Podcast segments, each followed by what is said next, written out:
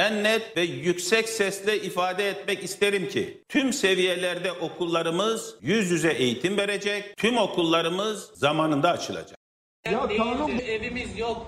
Bunu anlatamıyoruz. Evimiz yok.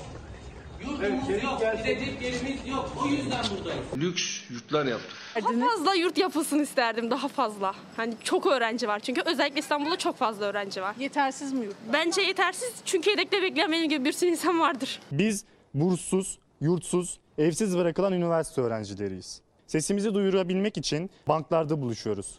Mahallelerinizin parklarında sabahlıyoruz.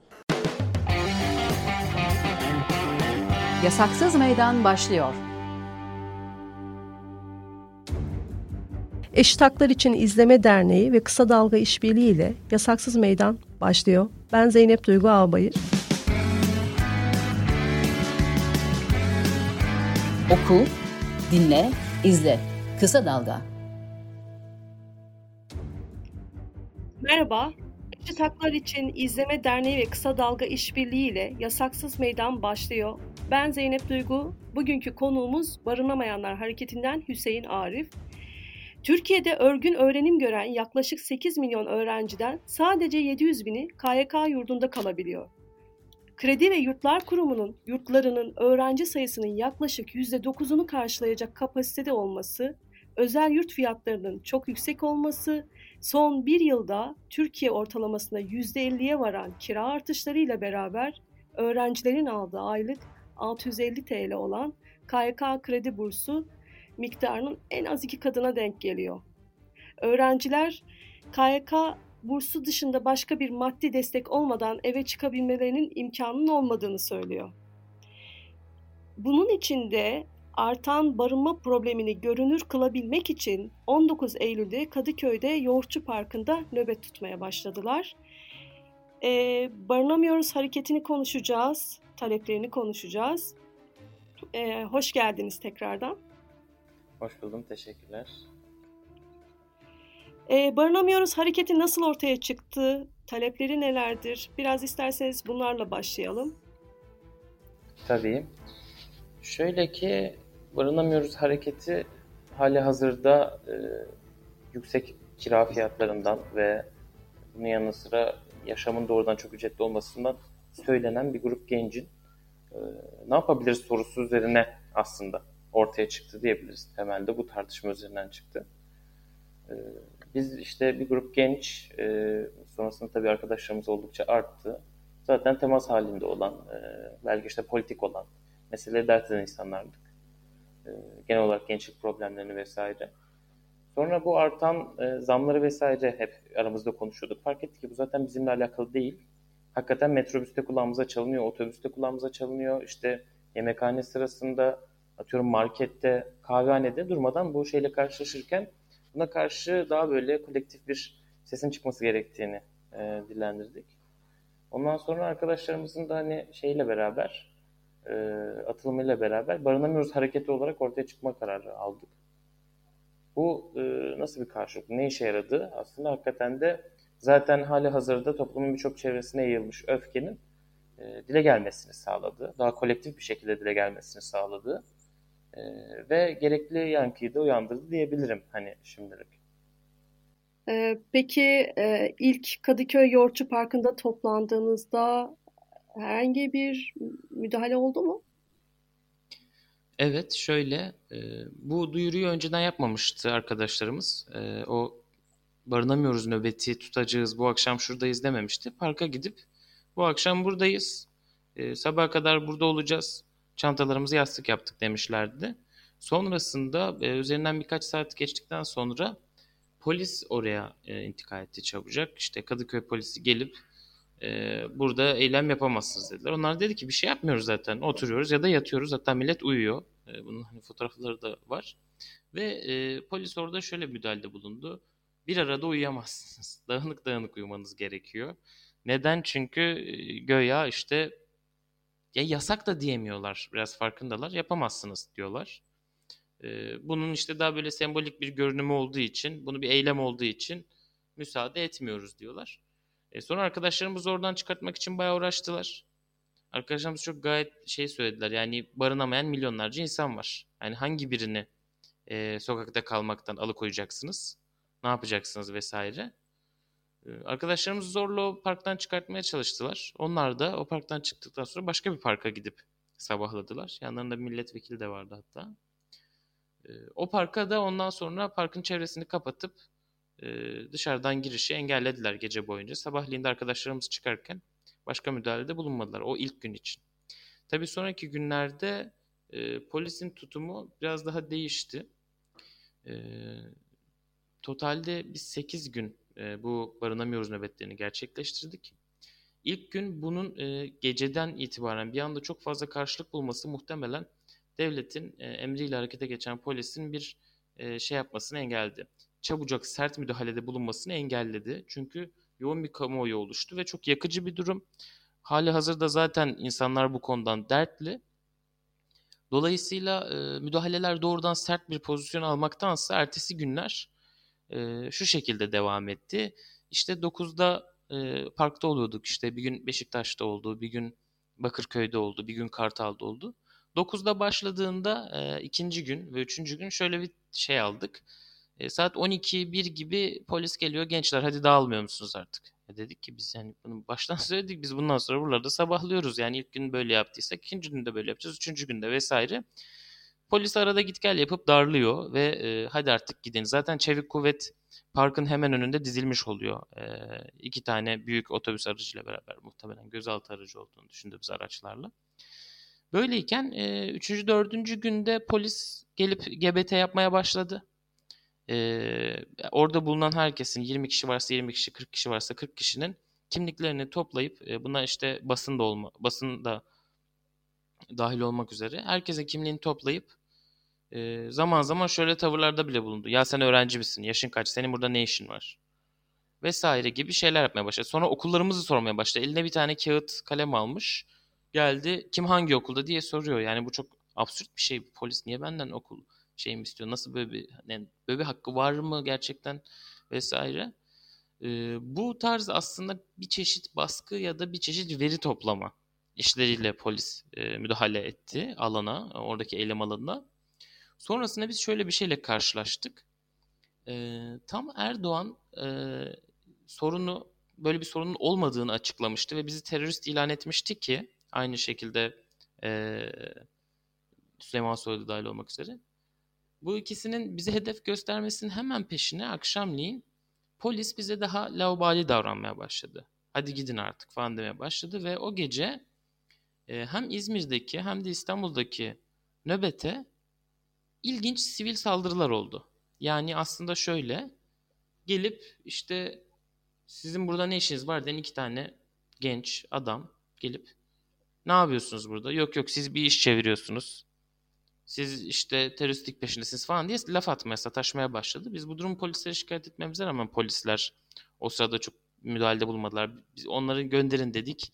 Ya gençler bir şey olmaz ona sarhoş biz onları gönderdik dediler. Sonra bu insanlar tekrar geldiler. Sonra tekrar geldiler ve en son ısrarlarımız sonucunda polis de onları karakola götürdü. Fakat üçüncü müdahaleden sonra karakola götürdüler ki e, bu durumda ilginç olan şey Erdoğan'ın hemen açıklamasının sonrasında ya tam o gece yaptığımız nöbette eş zamanlı şekilde hem Bahçelievler şey Üsküdar'da İstanbul'da hem İzmir'de bu tarz ilginç e, sivil müdahalelerin olmasıydı. E, oradaki polisin tutumu da zaten oldukça rahatsız ediciydi. Yani ısrarla şikayet etmemize siz bunlarla ilgilenmiyorsunuz. Buradaki insanların hani atıyorum işte e, bir bakıma can güvenliğinin tehlikeye atılmasına müsaade ediyorsunuz. Sözde göreviniz varsa bir tane uygulayacağınız bunu uygulamıyorsunuz vesaire. Zaten akşamları ilk nöbet başlarken hep zorluk çıkartıyorlardı. Niye yapıyorsunuz? Biz buradayız diye ısrar ettikten sonra e, tamam o zaman deyip kenara çekiliyorlardı. Böyle bir durumla karşılaştık. Ee, hemen ertesi günü ki e, İstanbul'daki arkadaşlar olarak e, nöbetleri bir süreliğine bitirme kararı almıştık. E, bundan sonra örgütlenme çalışmasıyla ilerleyeceğiz demiştik ve bunun sebebi de biraz şuydu. Bu bir hafta 8 gün içerisinde bütün AKP belediyeleri konuk evlerini öğrencilere açtı. Bir aylık. E, sözde bir kriz yok, sözde bir problem yok derken.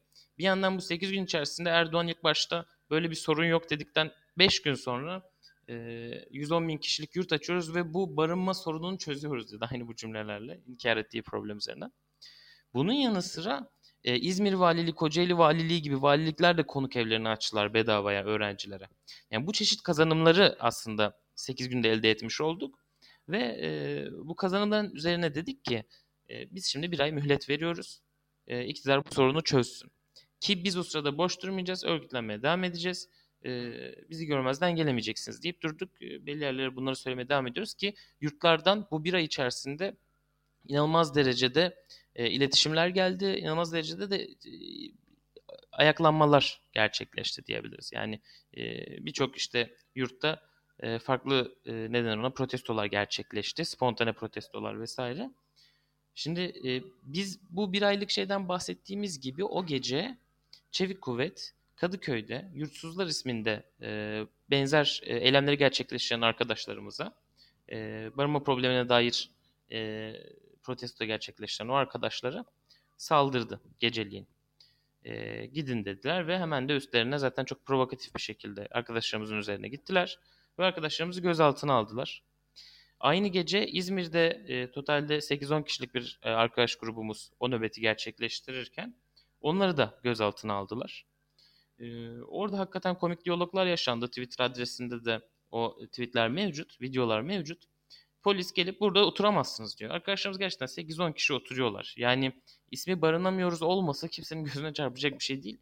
Ve e, polis cevap veremiyor. Yani ve şöyle bir soru soruyor polis arkadaşlarımıza. Ya siz burada niye oturuyorsunuz? Siz burada oturdunuz diye mi açıldı sanki valilik vesaire diyor. Arkadaşlarımıza cevap veriyor. Evet biz oturmasaydık valilik e, işte kaymakam işte kaymakamlar belediyeler konuk evlerini açmayacaklardı. Demek ki oturmak işe yarıyor diyorlar. Polis böyle baka kalıyor yani. E, ilginç bir şekilde orada polis amiri de bir çeşit siyaset yapmaya çalışıyor. Yani üstüne vazifeymiş gibi. E, böyle durumlarla karşılaştık.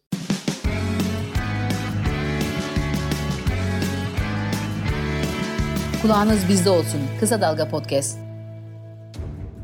E, peki adli işlemlerin yanında e, idari işlemler yoluyla da barışçı toplantı ve gösteri hakkını kullananların cezalandırıldığını görüyoruz. Özellikle öğrenciler eğitim hayatlarını etkileyen birçok işleme tabi tutuluyor.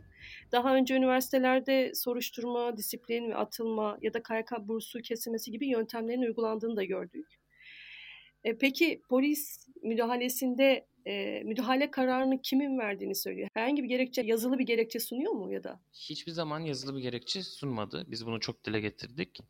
Ee, ilk gün ve zaten hani son günlerde bu tarz müdahalelerle karşılaşmıştık. Ee, arkadaşlarımıza da hiçbir şekilde yazılı direkt şey gerekçe göstermediler. Ee, genellikle işte insanları rahatsız ediyorsunuz diyerek müdahalede bulunmuştu. İlk gün ve dediğim gibi bu eylemlere devam ederken son gün yaptığı müdahalelerde. Peki öyle mi? Mesela sokakta barınamıyoruz deyip toplandığınızda gerçekten çevredeki insanların tepkileri nasıl oluyordu? Kamuoyunun nasıl bir tepkisi vardı? Gerçekten rahatsız oluyorlar mıydı? Yani açıkçası tweetlerin alıntılarına, ya Twitter üzerinden daha çok yürüyen ve Instagram üzerinden yürüyen bir e, kampanya şekli gibi ilerliyordu. Oradaki tepkilere bakılırsa 3-5 tane olumsuz şey dışında aynen hareketin bileşeni olarak kendini addeden bir sürü hakikaten binlerce insan var. Bunu geçtik. Yani hangi belediyede hangi yani totalde 7 farklı belediyede yaptık biz bu şeyleri. Ee, aynı zamanda İstanbul içinde sadece 7 belediyede.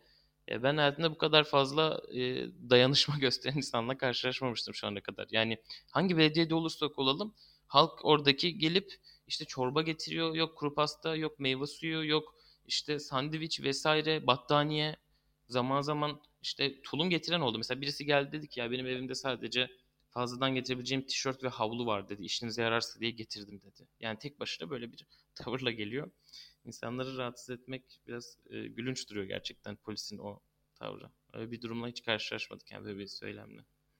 Bu sebeplerden dolayı barışçı toplantı ve gösteri hakkına müdahale olduğu için aslında hak ihlallerine de maruz kalıyorsunuz. Peki bunun için böyle herhangi bir mahkemeye itiraz başvurusunda bulundunuz mu? Hani örgütleniyoruz dediniz ya. Bu süreçte de böyle bu mekanizmaları kullanmayı düşündünüz mü?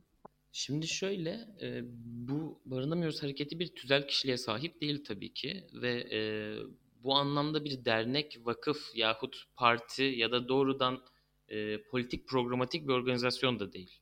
E, bu bir çeşit eylemselliğin görünümü için kullandığı bir isim aslında. Bir çeşit öfkenin görünürleşmesini sağlıyor. Dolayısıyla barınamıyoruz hareketi olarak e, doğrudan bir merkeziyet de söz konusu olmadığı için e, neden ona bir merkez organ gibi bir şey olmadığı için e, bu bu tarz e, işlemlere de başvurmadık.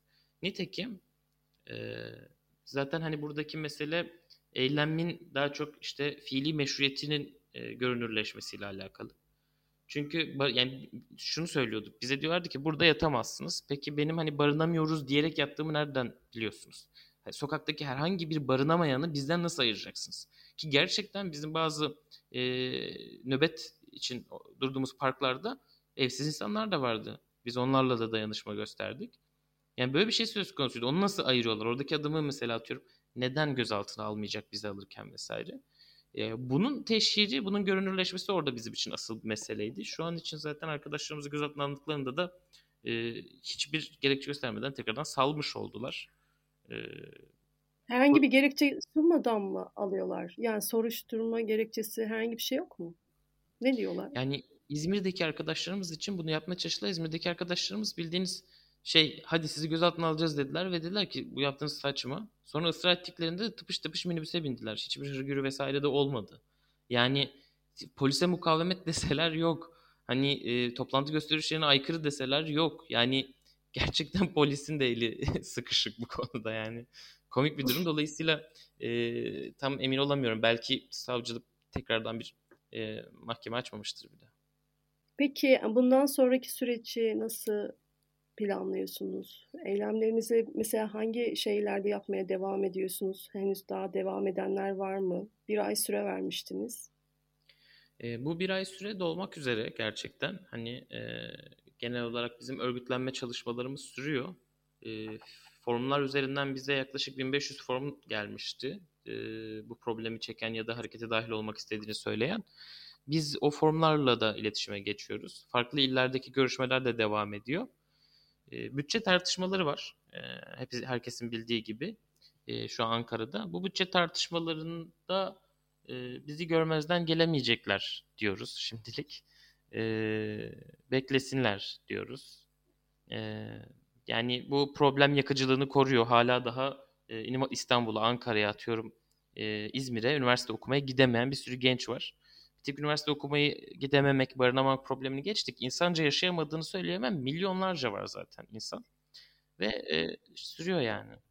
Atık e, işçileri de e, barınamayanlara destek verdi. Öyle Hı-hı. hatırlıyorum. Değil evet mi? öyle bir gelişme de oldu o süreç içerisinde. Yani valilik e, kağıtla beraber, valilik izni, emriyle beraber polis baskınlar yaptığını söylüyordu kağıt işçilerine. Atık kağıt işçilerinin depoları yakıldı ve yıkıldı. E, bu arada gerçekten yakıldı ve yıkıldı. Yani oradaki yataklar falan e, üst üste atıldı, yığıldı bir tarafa falan. E, sonra onlar da dediler, bizimle iletişime geçtiler dediler ki biz bu akşam nöbete çıkacağız. Biz de barınamıyoruz. Bizim de evimizi elimizden aldılar vesaire dediler. E, onu da Twitter'daki işte Atık Kağıt İşçileri İstanbul hesabından duyurdular. Onlarla da bu şekilde iletişime geçmiş olduk. Orada da aynı süreç olmuştu. Peki kaç ilde olduğunu hatırlıyor musunuz? Barınamıyoruz deyip toplanan kaç il, hangi eş, iller eş olduğunu? zamanlı en yüksek 10 il olmuştu. Ee, Eskişehir On. vardı, Çanakkale vardı, Antalya vardı, Diyarbakır vardı, e, Ankara, Kocaeli, İstanbul, e, Dersim şehirlerini hatırlıyorum şimdilik. Peki ben teşekkür ediyorum. Ee, sorularımı cevapladığın için. Eşit Haklar İçin İzleme Derneği Kısa Dalga İşbirliği ile Yasaksız Meydan farklı konu ve konuklarla iki haftada bir Cuma günü sizlerle olmaya devam edecek. Şimdilik hoşçakalın.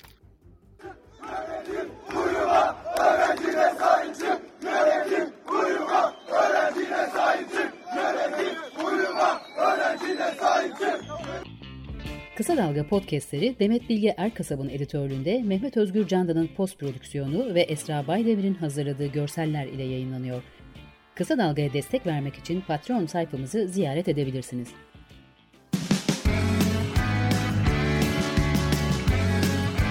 Oku, dinle, izle.